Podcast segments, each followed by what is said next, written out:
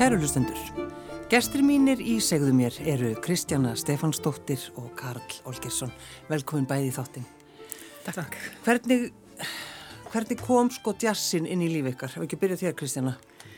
Hann konu vilja bara pínu baktir af megin, sko, reynda pappi hlusta alltaf mikið á djass og þannig að ég hafði alltaf einhvern veginn óminn af svona svona cool djassi, hérna Jerry Mullingham sem var baratónsaxofónleggari og, og mótin jazzkvartett og eitthvað svona ekki að leta basic dæmi sem að kannski flesti hlustið á.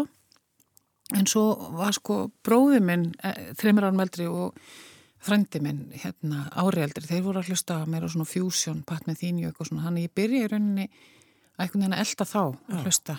Og byrjar svona kannski aðeins á, ég erfiði dildinni. Já, í rauninni, einhverju svona, já, einhverju, þú veist, þannig. Og þetta er náttúrulega e- eitthvað 80's fusion og svona. En svo bara, einhvern veginn, ég, ég fór að vinna í skífunni hérna þegar ég klára stúdent og fer í bæinn og, og þá einhvern veginn byrjaði að hlusta á hana einhverju viti, þú veist, og hérna, og svo bara, ég mitt, hún bara breytti lífið minni, ég bara einhvern veginn, svoðast en hún eiginlega svona, hún og Sara Vaughan tóðum inn í hérna þessar stórgóðsluhu lendur djastónlistar. Já, Yes. hvað með þig Kalli? Já, ég, þannig að þetta er svo góð spurning af því að ég hef aldrei velt þessu fyrir mér en ég held sko allavega í mentaskóla, þá var ég alveg ég var að læra jazzpiano Kalle Möller í FIH og ég var aðeins svona dútlega við að spila jazz með hinnum og, og þessum. En ég var líka í svo mörgu öðru. Og þannig að ég sér hefði mig ekkert eitthvað sérstaklega í að spila jazz og misti einhvern veginn af lestinni.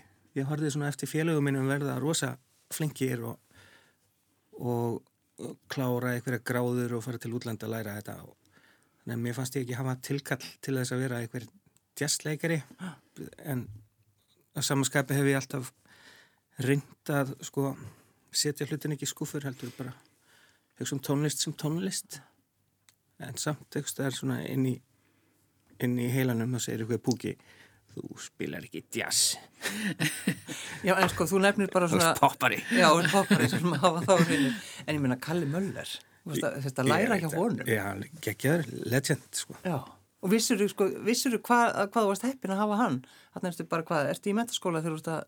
Já, ég held ég að vera komin í mentaskóla Já, uh, Já, já, og ég bara ég hef alltaf vitað hvað ég er hef verið heppin að hitta og vinna með þessu fólki sem ég hef unni með. Já, og ég er ég verð svo auðveldlega starströkk þannig ég hef ofta átt erfitt með að vinna með fræðu fólki.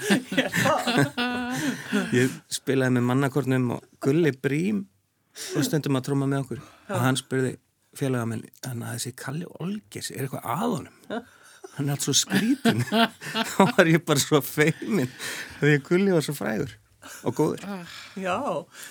þannig að jújú, jú, ég, ég kann alveg að metta það sko. En, en ertu feimin til dæmis við, við Kristínu Stefansdóttur sem sittur hér við hliðir? ég, ég, ég, held að ég sé komin yfir þetta sko. já. Nú og ég, get allavega verið svona litið út fyrir að vera alminnilegu Já, ekki skrítin. en ég kann vel að hérna, ég skil vel hvað ég er heppin að fá að vinna með henni Já. Takk og sömu leiðis. En uh, Ella, mm. Fitzgerald, ef við ekki að tala eins um hana? Jú, Kalli, þegar þú heyrðir hana fyrst? já það ég man svona fyrst eftir ég hef örgulega heyrt hana í einhverjum útastátum í Jónimúla eða eitthvað en í MH þá voru nú margir með mér að læra og meðal annars Hallveig Rúnarsdóttir óperusönguna uh, og við gerðum svona litla tónleika Elvi Fitzgerald Cole Porter tónleika á lagningartögum eitt árið 91 kannski Já. Já, og, þið, þið bara tvö Já. á sviðinu? og þá þurfti ég að læra allir þessi lög og hlusta svolítið mikið á Elvu Alveg, hver er þessi Ella? já. og já, síðan þá hefur hún bara fyllt mér því hún er náttúrulega það má segja að hún sé Kristjana þeirra bandarækjaman Æ, takk. Vá. En þú?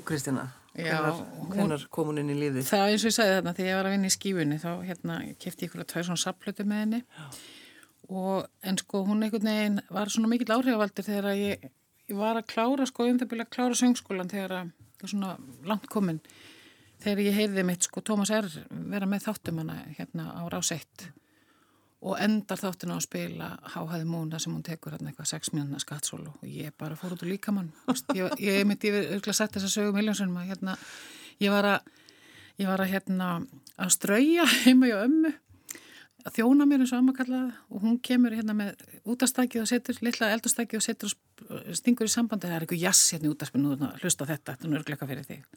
Og þá var þessi þáttur um elu og hérna og ég enda með því bara, ég settast á gólu alveg sko bara dólfallin, ég bara, ég vil aldrei lendi þessu svona sterku áður og svo heyri ég bara kynnin þetta var þátturinn um Elvi Fitzgerald og þátturinn eru endur tekinn aftur í kvöld og ég bara, aðeins maður fá bílinn? og brunaði neyri búð og kefti svona krómsbólu, dýra og satt svo í kastakið eins og þegar maður gerði hérna, þegar maður rúlingur og tók upp hérna, já, lögungafólksins og tók upp þegar þátt og já, svo spóla ennþá.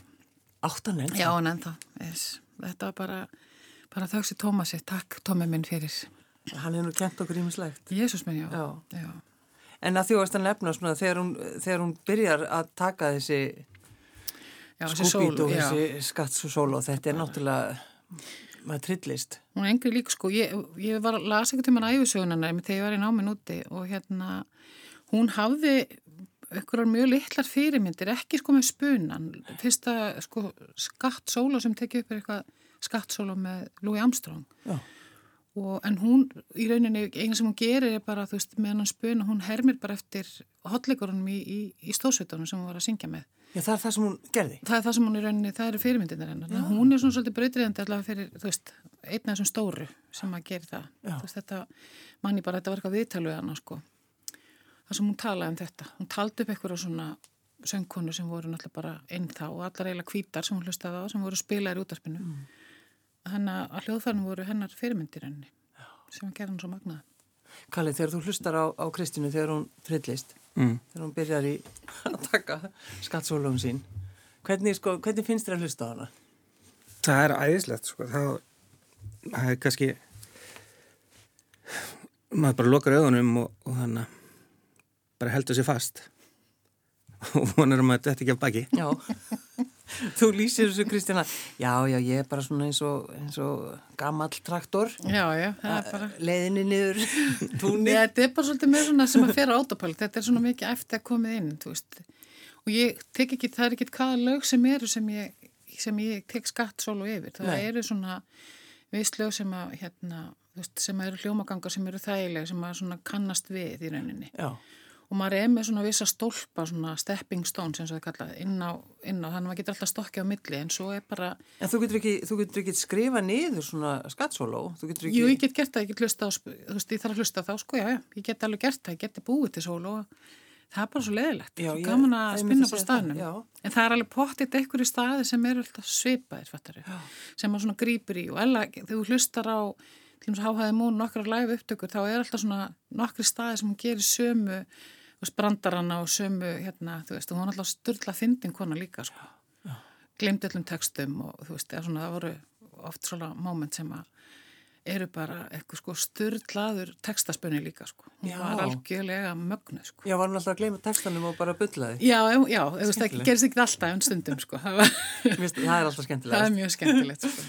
En er, finnur það ekki líka, Kristina, þegar þú ert komin inn í svona, sko maður vil heyra meira salurinn vil að þú haldir áfram Jú, maður þarf að stundum að, sko stundum detti bara út, fer inn í eitthvað són sem að ég veit ekki og svo bara lendi ég. Já. En stundum er það bara, það maður svolítið bara að lesa bara, ok, þetta er ekki, þau eru ekki mikið skatt fólk á bara. Nei. Það er ég bara smekla og klárta svona fljóðlega, einn umgang. Já, þú ert að meina það sérst, þetta segir mér það, það sé til fólk sem þólur þetta ekki. Nei, ég segi svona. Maður svona stundum, maður er kannski bara maður er svo vel balinn sko, Já. maður er alltaf að reyna að lesi Nei en yfirleitt bara detti út sko, ég veit ekkit hver ég er og svo bara rankaði við mig bara eins og ég hafi bara farið eitthvað annað. En eins og til dæmis Kalli þegar þú ert með henni og þegar na, þú ert að spila og hún er bara í þessu sóni hvernig ert þú sko, hvernig líður þér? Jú, ég menna þetta er, þetta er náttúrulega bara Kristjana er bara enn eitt hljóðfærið að taka sóló. Já, einmitt. Það er bara svo miklu sjálfgefur að maður heyri söngur að gera það heldur en hljóðfræðleikara en, en það er bara, það er alltaf eins og það er bara gaman og það er allir saman í einhverjum sko seið Já. sem að er að verða til á staðnum og það er bara útrúlega tilfinning og, og ástæðan fyrir því að maður nennir þessu. Já, já, einmitt. Það er, veist, þetta er svo mikið galdur um þetta að vera þegar bara heilt band og veist, allir þessu hópur er hérna, saman í það er allir saman í núin veist, það er galdur með tónleika, allir á staðnum. Mm og hérna og bandið að þú veist maður læsist inn í einhvern veginn, get ekki útskýrta þú veist, maður læsist einhvern veginn saman með hljóðfærarleikunum mm. og það verður einhver rosa galdur til. Og þú veist það er rosa auðvelt að vera með kalla. Þú veist það er mismunandi náttúrulega bara eftir hvernig maður tengi fólk líka bara okkur personlega og þannig. Já, já. en þú veist kallin náttúrulega bara heyrir allt. Og ef hann heyrir ykkur á hugmyndi mér hann barnar hugmyndirnar bara 1 og 3 það er líka svo skemmtilegt sko. Hugmyndin að fljúa milli sko spuna hugmyndirnar sem er svo skemmtilegt. Já, mm -hmm. en sko eh, verður á stundu þannig kalli að, að verður þau þreyttur á því þegar hún sko hættir ekki? Nei, alls ekki. Alls ekki, nei það er aldrei svo leiðis Það bara ætlar ekki að fara að hætta það er að koma að lið Já, nei. Ekki þannig, það gæti kannski gæti að upplifa það sem áheyrandi út í sal en þeir verður þáttakandi ykkur svona þá vilt aldrei að það hætti. Nei Nei, er, það er einmitt málið. Já. Já. Þetta bara haldi stöðut áfram. Já. En hvena fóru þið að, að, að svona vinna saman, Kristjana og Kalli? Hvenar var það? Það er nú örgulega svolítið síðan. Ég... Nei, heldur það? Já, svo séu komið 20 ára eða eitthvað. Nei, kannski ekki alveg 20 ára, kannski 15, mm, eitthvað slúðis, geta verið. Ég man ekki. Við höfum alltaf tekið eitthvað svona eitt og eitt gegn en það var aldrei eitthvað svona saman en sko ja. við höfum alveg svona við gerum við svona dúodæmi mannstinn og keks. Alveg rétt. Það var svona bara uppáhaldstjastlegin okkar, það var mjög skemmt. Það var gaman. Það var svona læstust þið svolítið saman í og svo svona, já, við höfum svona kannski ekki alltaf verið svona beint go to en, en við, já, vinnum tölvört saman mm -hmm. Mm -hmm. og Kalli var eiginlega bara sjálfvalinn í þetta elludæmi. Mm. Það er Ella í salnum? Það er Ella í salnum. Já, já. Og hver, hver er með ykkur þar? Já, við erum þannig að Maggi Tryggva á trömmur, Þorgrymur bassa, Þorgrymur Jóns, Áskir, Áskirs á gítar og ætlum við sem við með blásara, nei? Nei, það er bara því fjórir. Og, og þetta svo... er kallað kvartett Karls Olgesson og ég veit ekki af hverju að því að þetta er allt eitthvað tómið snillíkar, ég, ég ger ekki neitt. Geti, ég spila bara með. Nei, hann er sko, hann er alls ekki draga úr sín Nei, nei, ég veit hérna. Á, já, nei, nei. Þetta getur líka heitið Stórsveit Magnúsar svona, Já, all, alveg eins sko. En svo er fullt af söngkunum Já, það er hún Sigrun Erla og það er hún eh, Rebecca Blöndal sem var að vinna fyrst íslenskra djásöngvara íslensku tólastöflunum það hafa aldrei verið sérst uh, sér veljum fyrir djassöngar og Nei, hún er fyrst að vinna það. Hún var að vinna það núna bara. Já, Já. svo Guðlu Dröfn og Raka Gröndal og ég sjálf. Já. Og þetta er hugmynd frá okkur Rebekka sínum tíma sko. Mm. Við erum sko frængur, við erum búin að við erum fjórmenningar og hérna hún kom einhvern tíma því að ég var að syngja á, á Jómfróni fyrir einhverjum þarna einhvern tíman inn í COVID-inu og hérna Í ískulda í sundinu? Já, já, já, þú veist, eitthvað tíma í smörri að hlusta og hérna, og þá eiginlega rættu við þetta, okkur langaði báðum og bara okkur gerum við þetta ekki saman og fáum eitthvað fleira skemmtilegt fólk og, og hver, hver ætti eiginlega að leiða bandið? Bara Kalli Olges já. strax og svo dróðum við hinnar konuna með okkur inn, sem sagt, söng Ef við ekki bara fá aðeins uh, ellu, mm -hmm. er það ekki? Hvaða lag valdur þið Kristjana? Heyrðu, þetta er plata sem að uh, hún tekur upp 58 Ella Swings Lightly og það er svona tólmanna band með henni og það er Just You, Just Me. Mm, hlustum á það.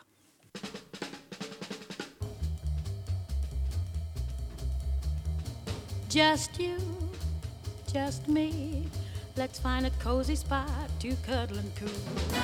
Just us, just we. I've missed an awful lot. My trouble is you.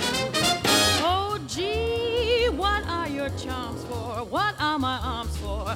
Use your imagination, just you, just me. I'll tie a lover's knot round wonderful you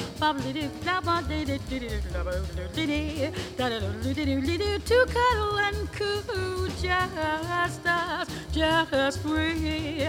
I've missed an awful lot, my trouble is you. Oh, gee, what are your charms for? What are my arms for? Use your imagination.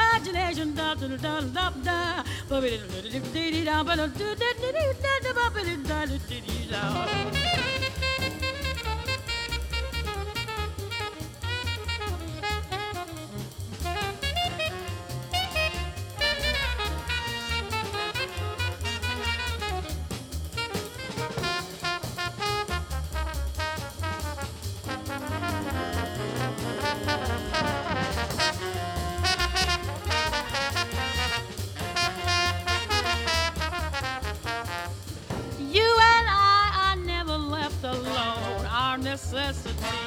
mostly privacy. Every sweetheart that the world has known hopes to find someday a perfect hideaway. Just, just, just you, just, just, just me. Let's find a cozy spot to cuddle and coo. Just us, just we. I've missed an awful lot. My trouble is you. Oh, gee, what are your charms for? Imagination, just you, just me. I'll tie a lover's knot round wonderful you.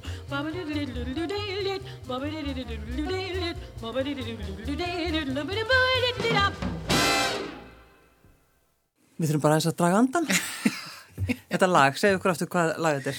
Just you, just me. Þetta er náttúrulega stórkostlegt. Já, hún er svo mikið galdra. Og þið var eitthvað að skoða hvernig þetta tekið upp? Já. Hvað, 58? Já, tíu ára maður en ég fæðist. Kalli? Já. Leður frá því síman? Já. Það var að googla þetta. Já, það var að googla allt og hana, auka við vittneskuna. Já. En hvað er það sko þegar þið hlustið á hana þegar hún bara, þú veist, þarna voruð að pæli í, þú veist, hvað eru margir í þessu bandi? Er þetta big mm -hmm. band eða hvernig hljómaður þetta allt saman? Það hljómaði eins og big band. Þetta er bara einhverjir 11-12 manns sem spila. Þetta er bara svo vel útsett líka. Já, hljómar er svo alveg átjálmanna unit. Og svo nota beina, sko, það, á þessum tíma er þetta bara tekið upp live. Það er ekki þetta að laga eftir það. Hann voru teknar eitthvað þrjáfjóru tökur mm. og valin svo besta sem er bara svona heldamyndin, þar sem hún rugglaðist ekki textaði neitt og, og eflust verið með textan fyrir fram að sig þá er nóturnar. En sko hérna Þannig að það er oft núna þegar að vörf eða blúnóta að vera að gefa þessar gamlu upptökur aftur, endur hljóðblandar, þá eru svona oft alternative takes sem er svona auka tökur á þessum lögum. Það er mjög gaman að heyra það og stundum eitthvað með eitthvað ruggli og, og, og bladri og skemmtleitum sko. Mm. Þessur að, að vörf var stopnaði kringum Ellu. Nei, ég vissi það ekki. Norman Grant sem var managerinn hennar Ellu á þessum tíma. Okay. Stopnaði vörf til að hún geti gefið út plötur ah. á því að því hún hætti hjá Dekka þá var hún, hún var mest bara í að, að syngja eitthvað svona obskjúr jazz Já. og hann kom með þetta að gera eitthvað konceptplötur, gera song, svona söngbækur sem að hafa, sko, við erum ennþá hlust á það Já, hún gerði áttasóliðis hjá Vörf Já, Já ég vissi þetta ekki að Vörf Okay. En vissi hún hefði fengið Grammy-velum fyrir þessa blötu sem við vorum ég hlusta? Vissi það reyndar, ég ætlaði að fara að lauma því að hún fekk þennan 58 Já, Já. En finnst ykkur mikilvægt svona þekkjana sko að, að vita um svona bara hennar líf þegar þið eruð að, að, að syngja og spila músikin hennar? Finnst það að skipta eitthvað máli? Ég er kannski bara, maður fær kannski eitthvað, þú veist alltaf fyrir þessa tónleika sem við erum að gera, er rosa gaman að vita meira um hana og maður fær ykkur að vissa dýft, þú veist, kannski ykkur að tengingu sem að maður, ég veit ekki sem er eitthvað alveg baka eins og svona þygt blúprint undir veist, mm. það, er, er eitthvað svona dýbri lög undir hverju lægi Já, sem komast kannski til skila þó að það sé ekki neitt sagt beint Já, nákvæmlega. Ég til dæmis hef sungið hana tölvöld sko lög það sem hún hefur gert með stósið reykjaukur og mjög heppin að fá að gera tónleika sem ég söng var Ella, eftir hlutarki Ellu og þetta á Count Basie platan sem hún gerði, gerði upptökum með Count Basie.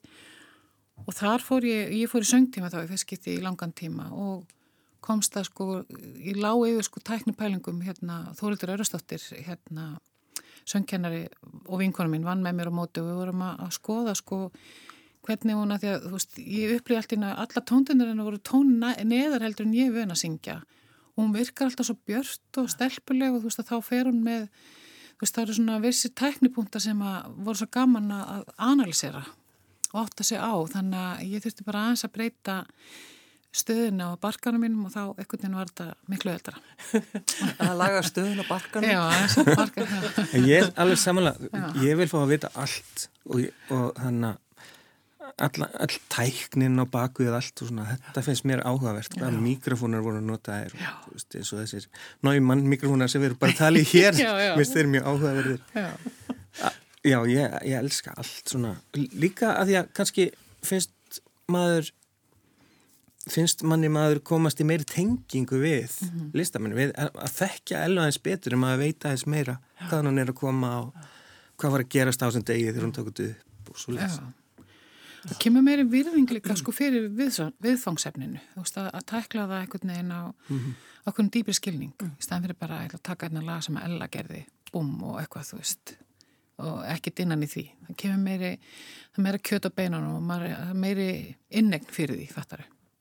Þannig að þið hikið hvoru til dæmis að eins og þú segir Kristín að ég fór bara í söngtíma mm -hmm. og, og, þið, og, og þú kalli eflaust sko, hvað æfir þig, hverjum er minnst að degja það? Já, já, svona fókusa á svona hluti sem mér þykja erfiðir eða áhugaverðir mm. að því að það er náttúrulega maður getur stöðut bætt sig Algjörlega, algjörlega og þú veist þegar maður er í námunu þá er maður að æfa sér alltaf dag og svo verður maður aðtunum aður mm -hmm. og þá stundum gleymir maður að maður þarf líka að setjast niður og æfa sig sko. þess vegna er alltaf svo kærkomið þegar að koma svona stór verkefnin þá þarf maður að setjast aftur sem hálfgerðin ásmaður og stúdera efnið Já. og fara og leta sér hjálpar en maður lappar vekki, þú veist, og vera bara fara og leta sér hjálpar Farti sálfræðings Farti sálfræðings, já, ef þú veist hitta söngkennara eða já. hvað sem er já. sem er svolítið svipað og hitta sálfræðingar í rauninni, sko, já, já Það er bara, þeir eru hérna sálfræðingar, En svo líka, sko, þegar maður heldur svona tónleika, það er að, að sko, velja tónlistina, velja lögin. Hvernig, hvernig gekk það?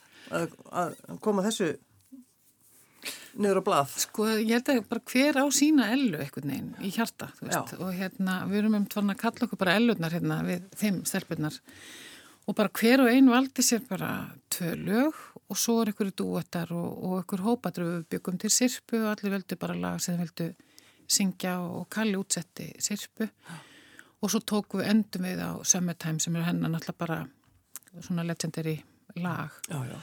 Og þú veist og, og já, tókum svona, völdum þessi lög kannski, já, bara hver veit með sínu nefi, mm. þannig að hver á sína ellu og hver á sína uppáðs upptöku og þú veist, einhver plata sem ég elska kannski hefur enginn af einhverjum öðrum verið að pæla mikið í, en ég held að ég er allir sami, sami jólaelluna sko, því það var bara einhver einn plata. Já, það var einn plata Já, held ég, eða tvær í rauninni. Já, já, já Þannig að það er auðvöldar sko. Ég er að hugsa allir þessi markaði fyrir svona jazz páskaegg sem að koma málsættir sem eru jazztengtir eins og hver á sína ellu í sínu hjarta. Ég myndi bara, bara senda þetta núna. En, og náttúrulega hundra ára ammali þá voru við guðlutröfnum með litla jóla, nei hérna jóla, ammalistónleika á ammalistænina sem er 25. apríl á Keggs hérna, og þá, við köllum þá allt önnur ella. Mm -hmm. veist, þannig að það var svolítið skemmtilegt og bara sungum hana, svo er það líka kannski maður þarf einhvern veginn að ákveða allar maður að copy-paste hann alveg eða ekki, mér finnst alltaf skemmtilega frekar að vitni hana mm -hmm. og syngja svo bara út frá hennar inspirasjónir rauninni. Hver veit tólkar hana fyrir sig. En ef að tala eins um það þegar hún kom til Íslands? Heyrðu, já, það var nú Það var svolítið skemmtilegt. Það var svolítið skemmtilegt, Já. sko. Býtu, hvað sá hann aftur þegar hún lendi? Það var ekki einhver blaðmaður sem spurði, þá varst eitthvað tíma með það á reynu. Ég man, hvað er ég muni? Þú var svo þreytt kona eitthvað og eitthvað svona. Hérna, spyrði ekki þreytt að konu eitthvað út í eitthvað. Já, já, já, akkurat. Hún, sva, hún kunni alveg svara fyrir sig, sko. Líka þegar við erum alltaf að krefja fólkun svar strax, sko bara, þetta er hinn fræga setning áttu í læka Ísland. En sko, eh, hugsaðu ykkur fólki sem að gæti fara á tónleika með henni. Spáði í það. Í hásklubíu. En vest að var þetta var svo vist illa selta því að þér ákvaði að græða að tafa fingra því að það seldist upp á lúi Já, sem kom undan. Það var, hún var vist alveg miður sína því að það var svo illa sótt. Mm -hmm. Þetta voru sko, miðarnir voru svo dýrir að fólk gæti ekki keift miða og, og þá, þá voru held ég voru planaðir aðri tónlingar og þá voru miðarnir eitthvað aðeins ódýrari. Já. Þannig að það voru með tönna. Það sagði venni Linnet mér einhvern tíma. Já, já. En þetta er náttúrulega bara, maður hefði nú gefið á sér sko aðra höndina bara til þess að fá að vera þar. Já, ekki barkan. Nei, ekki barkan, aðra höndina. Já. Eða kannski eitthvað fyrir niðan nýja kannski aðra fótinn. eitthvað svo leiðis. Já, hugsa, hvernig þetta var var þetta 60 eitthvað? Já, það ekki. Ég man það ekki. Það var 60 eitthvað. Man ekki hva, hvað ára Kalli googlaði. Kalli alltaf með síman, hann er úlingurinn í, í þessum þætti. Úlingurinn skóinu.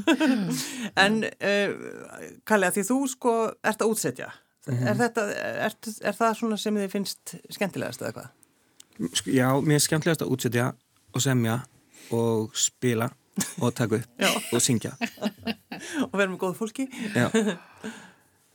Mér finnst þetta allt skemmtilegast. Það var nú náttúrulega sko þú varst með Raka Bjarnar. Já, það var skemmtilegast. Það var, hann var gegjaður. Það er einhvern veginn harmsaga lífsmýns að ég á mist kól frá honum. Það reyndi að ringi mig Já. og ég bara sá það eitthvað eftir á og ringdi ekki tilbaka og svo næst sem ég vissi að það var hann dáin. Nei. Og ég fæ aldrei að vita hvað hann ætlaði að segja. Blesaða kallin. Kans, kannski verða ekkert merkilegt en við erum alveg saman. Núna náttúrulega saknar hann svo mikið. Já, hann var ótrúlegur. Ég náði að syngja tótu úta með hann minn á plötu. Hvaða dúetar voru það? Fram í heiðana ró og býttu nú við hvað hétt aftur hitt. Nú bara mann ég ekki. Allavega fram í heiðana ró. það voru sömu plötu. Já. Nú, já, þarf, ég að googla. Mm. En, en Kalli, þessi plata sem þú gerði með, með honum, Já. þetta var, sko, hún einhvern veginn kom í hjartað á okkur. Það var hérna Orgel tríóið Já. og Raki, já, það var eitthvað sem að mig hafi lengi langað að gera og ég held árið 2004 þá komst þið bísna nálægt til að gera svona plötu Mm. og svo var það ekkert úr því að hann ákvaða að gera flek, frekar bara eitthvað svona plötu með lögun sem allir þekkja mér fannst það nú svolítið ruggl og hann gerði það og hann, hún seldist í 15.000 eintökum eða eitthvað. Markaði svona endur koma hans. Já, þú veit, þetta er ekki góð ákvörðun, Raki, þetta er ekki gott. en við náðum að gera þetta 2017 Já, og þá er hann orðin náttúrulega bara uh, vel fullorðin. Já, já. Og þannig að ég var að kenna hann um fullt af lögum sem hann kunni ekki og þetta var svolítið erfitt. En hann var svo óbúslega metnaðafullur að hann gafst aldrei upp og vildi gera þetta almennilega en hann var svona tvístígandi með hvort að við ættum að vera gefið út og eitthvað og það þurfti smá fortölur en svo sem betur virk komið út og við heldum stóra tónleika í háskóla bíói þannig að það var bara, ég er óbúslega fegin og það tókst Já, einmitt. Og þú valdir það ekki þessi lög, þetta voru svona lög sem einhvern veginn maður tengir ekki við Raka Bjarnar. Já, einmitt Og ekki við jazz. Það var Nei, einmitt. Já, þetta var svolítið svona kokteildjas sko. Já. bara svona skemmtilegt Mhm. Svo voru heldur tvö frumsamin lög þannig eftir mig Hittarinn var þannig að laga eftir Björk sem að salka söng með honum Já. Já, alveg, hvað lag var það? I've seen it all Já, einmitt. Það sem að Raggi söng Björk og Selka söng Tom York, Tom York, já. hlutverkið Já. Dansaði dark. Já. Já. Það er svolítið skemmtilegt. En að því þú talar einmitt um sko að Ella uh, glemdi texta, Raggi, það var nú alltaf verið að tala um það sko, Raggi hafi, alltaf verið að gleyma textanum. Já Hann, hann saði, hann kynnti hvað var það? Verður ekki að horfa svona alltaf á mig Hann kynnti það alltaf eins þegar við spilum það og hann að hann vildi að allir syngja með og ef þið kunni ekki textan þá hreyfið þið bara varirnar og mömblið eitthvað að vitleysu. Já. Ég hef búin að gera það í 60 ára það verið enginn tekið eftir því. Það er svolítið gott. Elskur ekki. En hvað eru þið, það er gaman að rifja upp, allt í Já. nú poppa raggið þannig upp, sko. En að því við, ég baði ykkur að koma til að tala um Elu Fitzgerald, en ég minna það, maður þarf nú að, maður þarf að tala um meira, heldur Já, en já. það, sko. Um, ég langar líka bara að vita, sko, hvað annað er að gera eins og þú, Kristína, þú, hérna, stekkur hérna inn með einhverja dæmis, það er stöður mjög sérstak. Í, í smekkbuxum? Já, já, ég er hérna er hérna hérna, ég er sérst kennari við listaháskólan og er í sviðslistadeild og er núna á samtunum Hannes Óla leikara, við erum að vinna með fyrsta ári leikara nema að gera barnasýningar sem að svona svo kalla devised leikus, það sem hefur búa til handrit uh, og sögu og tónlist bara frá grunni. Já. og við skiptum þetta tíman bekk og skiptum hann tvent og svo förum við inn á leikskóla og, og, og barnaspítalun sínum, þetta er svona 20 minna síningar, búin að gera þetta undarferðin ára þetta er alveg stórkvæslegt. Já, Eh, hvernig hljómar hún? Þú ert með það? Já, hún er flutan og ég, oh my god, ég er þannig að fara svolítið langt frá það, maður setja maður, þetta er svona, ég fekk þetta held ég í tónastöðinni.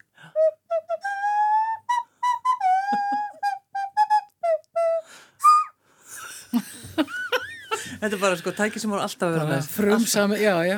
Svo bara semur hann að lag. Sem bara stannu. Sem, sem sko. Þannig að það, er það svona, uh, kennarin, Kristjana, er það svona, svona það sem þitt líf snýst um á? Já, ég, sérst, ég er líka með annan fótun og þjóðlíkusin er að sína þar Shakespeare og samt í tónlistarfið, mm -hmm. hvað sem viljið. Og ég er tónlistastjóri í söngakefninar hérna hjá Ríkisútarpinu og og bara svona, já, við erum að rattjóla mikið við, við að rattjóla og svo tónleikahald bara. Mm -hmm. Og þið náttúrulega bæðið mitt sko leikhúsið er líka svona stór partur af, af þér, Kalli. Já. Það er svona, þér verðist mjög sko ekki líða mjög illa á sviði. Nei, það er ótrúlega gaman. Ég er einmitt að fara í, í síningu í borgarleikusinu í haust og eina í þjóðleikusinu eftir áramót já. og svo er ég að fara núna, þegar ég er búin hér, þá er ég að fara að hitta hann Þóriðan Eldjáttn og við erum að kokka smá búið til. Með te tekstunum hans? Já, þannig að... Má ekki tala um þetta? Kans, kannski er ekkert... Nei, alltaf leið. Þetta er svona smá jazz-ópera sem við erum að nóða saman. Já, ég þekki söngkonu sem getur við með. Já, við mitt. En við, svona, við sjáum hvað verður úr sig. Þú eru nú ekki lofaninu. Þannig að það er alls konar. Já. Þannig að þið eru svolítið með þetta því að við erum að tala sko, með leikhúsið, þú veist að við erum með músikina í leikhúsinu og, og einhvern veginn þá oft fáum við að sjá ykkur á sviðinu sem partur af einhverjum síningum. Mm -hmm. það, mér finnst það alltaf svolítið skemmtilegt. Já, mér líka. Það er rosa gaman að fara í hlutverk. Ég legg til dæmis svona öllu núna í, sem er þóknast á móti Halla Mello sem leikur Prófstein og hann er mjög skotin í henni og hún í honum og þetta er rosa skemmtilegt að stíga út úr sjálfu sér og leika eitthvað annan. Já sem er bara, bara fóriðindi að fá að gera. Og þú fari ekki einu svona að feila það baka trúðin þú varst bara þú? Nei, ég er nefnlaust þarna í fyrsta skipti. Já, finnur þú fyrir örgisleysi? Ég er bara, ég er bara svo glöða að hérna, þeir leika mest á mótum er hann og heimi Gau. Já, ég hættir góð menn. Góð menn, hann að ég er, já, það, ég lifi þar hvert kvöld. Hvað með þig Kallið, þú ert komin í bún, búning og ert partur af síningu? Já, mér finnst það svo gaman að vera í leikúsi og sérstaklega við fæ að, fæ að sjást Já. en því að það er auðvitað bara þetta sviðs element, element í manni að, að vera að skrýplast eitthvað fyrir fram að fólk Það er ekkit verða þegar það er hljómsveit lifandi og maður fær ekki að sjá hana. Nákvæmlega. Einmitt. Það getur maður að vera brjálaður. Til hversi er hún? til hversi er ég hér? til hversi er ég, en það oft kemur náttúrulega ekki til að góðu. Það er oft takmarka pláss á sviðinu og svona, maður skilur það. Og svo kunnið þið kannski ekki að leika. Heldur. Nei, svo Nei. eru við oft aðsnalega fólk horfur á. En grifja náttúrulega kemur líka bara, þau byrja náttúrulega bara með óperunni, þannig að hljómsdastjórn þarf að vera fyrir framann heila hljómsett og svo með fólk upp á sviði, já, sko. Já, já. Er það ekki? Byrjar ekki þannig? Örglega. Við ætlum að enda, uh, ég ætla að fara að henda ykkur út í daginn og, og hérna, þið er náttúrulega verðið með uh, tónleika, það er Ella í salunum. Ella er þriðaskipt í salunum núna 22. apríl, klukkan 8 og það er enda til meðar og við erum bara að byrja að æfa og, og að finna, finna kjóluna? Heyrðu, Ég er að spája að vera í jakkafutum, teinutum. Nei. Jú, haldið er. En, en þú Kalli, fyrir að þú að vera? Þá verði ég bara í kjól. Já, gegja. Hvaða lag ætlu að spila í lokin? Kalli, kynntu. Uh, já, þannig að við ætlum að spila lag sem að ég bjóð til og Kristjana syngur. Þetta er svona... Fílik tilviljun. Já, fílik tilviljun. Þetta er af blötunni Mitt bláa hjarta sem kom út fyrir nokkrum árum fyrsta svona platan, soloplatan og hann fekk grammivelun fyrir hanna fekk grammivelun hinn íslensku þó. Og þetta fjallar um íslenska veðrið. Og já þetta byrjaði sem hæka eftir Breka Karlsson sem ég hitti á kaffihúsi. Og hann sagði mér að hann hefði verið búið til hæku. Uh, uh, ástíðinar hér á Íslandi eru þrjár. Já ástíðinar hér á Íslandi eru þrjár haust, haust vetur, vetur og, og von, von. það er svolítið gott. Og þetta krafist þess að fá sitt eigi lag í svona monk stíl og þá náttúrulega gæti enginn sungja hann nema Ella. Nei, eða Kristjana Kristjana Stefansdóttir og Karl Olgersson takk fyrir að koma. Takk fyrir okkur. Ég buða út um gluggan skildi ég sjá skuggan af lerkinu hagli niður belja og málinguna kvelja grindverkinu. Að býða eftir sumri er að býða eftir gótó Ég ætti ekki að hika neitt og flytja til Kyoto. Ástíðirnar hér Á Ísland eru þrjár. Haust, vetur og von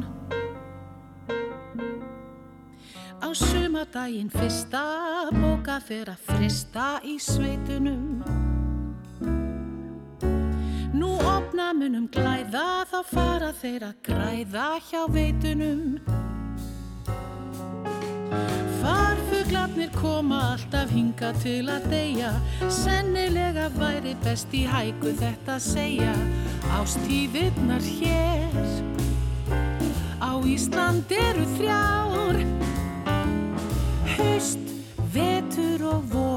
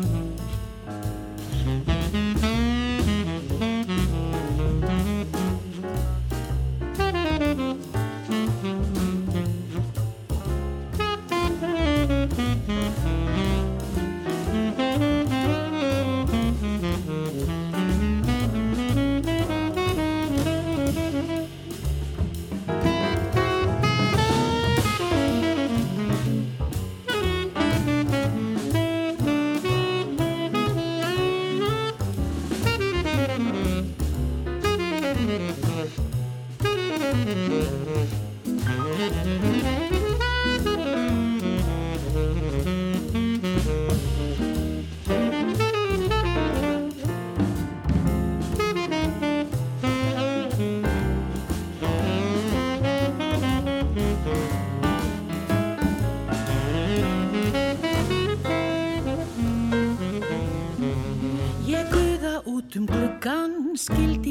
Sjá skuggan af lerkinu. Eða hagli niður belja og málinguna kvelja af grindverkinu. Að býða eftir sumri er að býða eftir gótó Ég ætti ekki að hika neitt og flytja til Kyoto. Ástíðirnar hér Á Ísland eru þrjá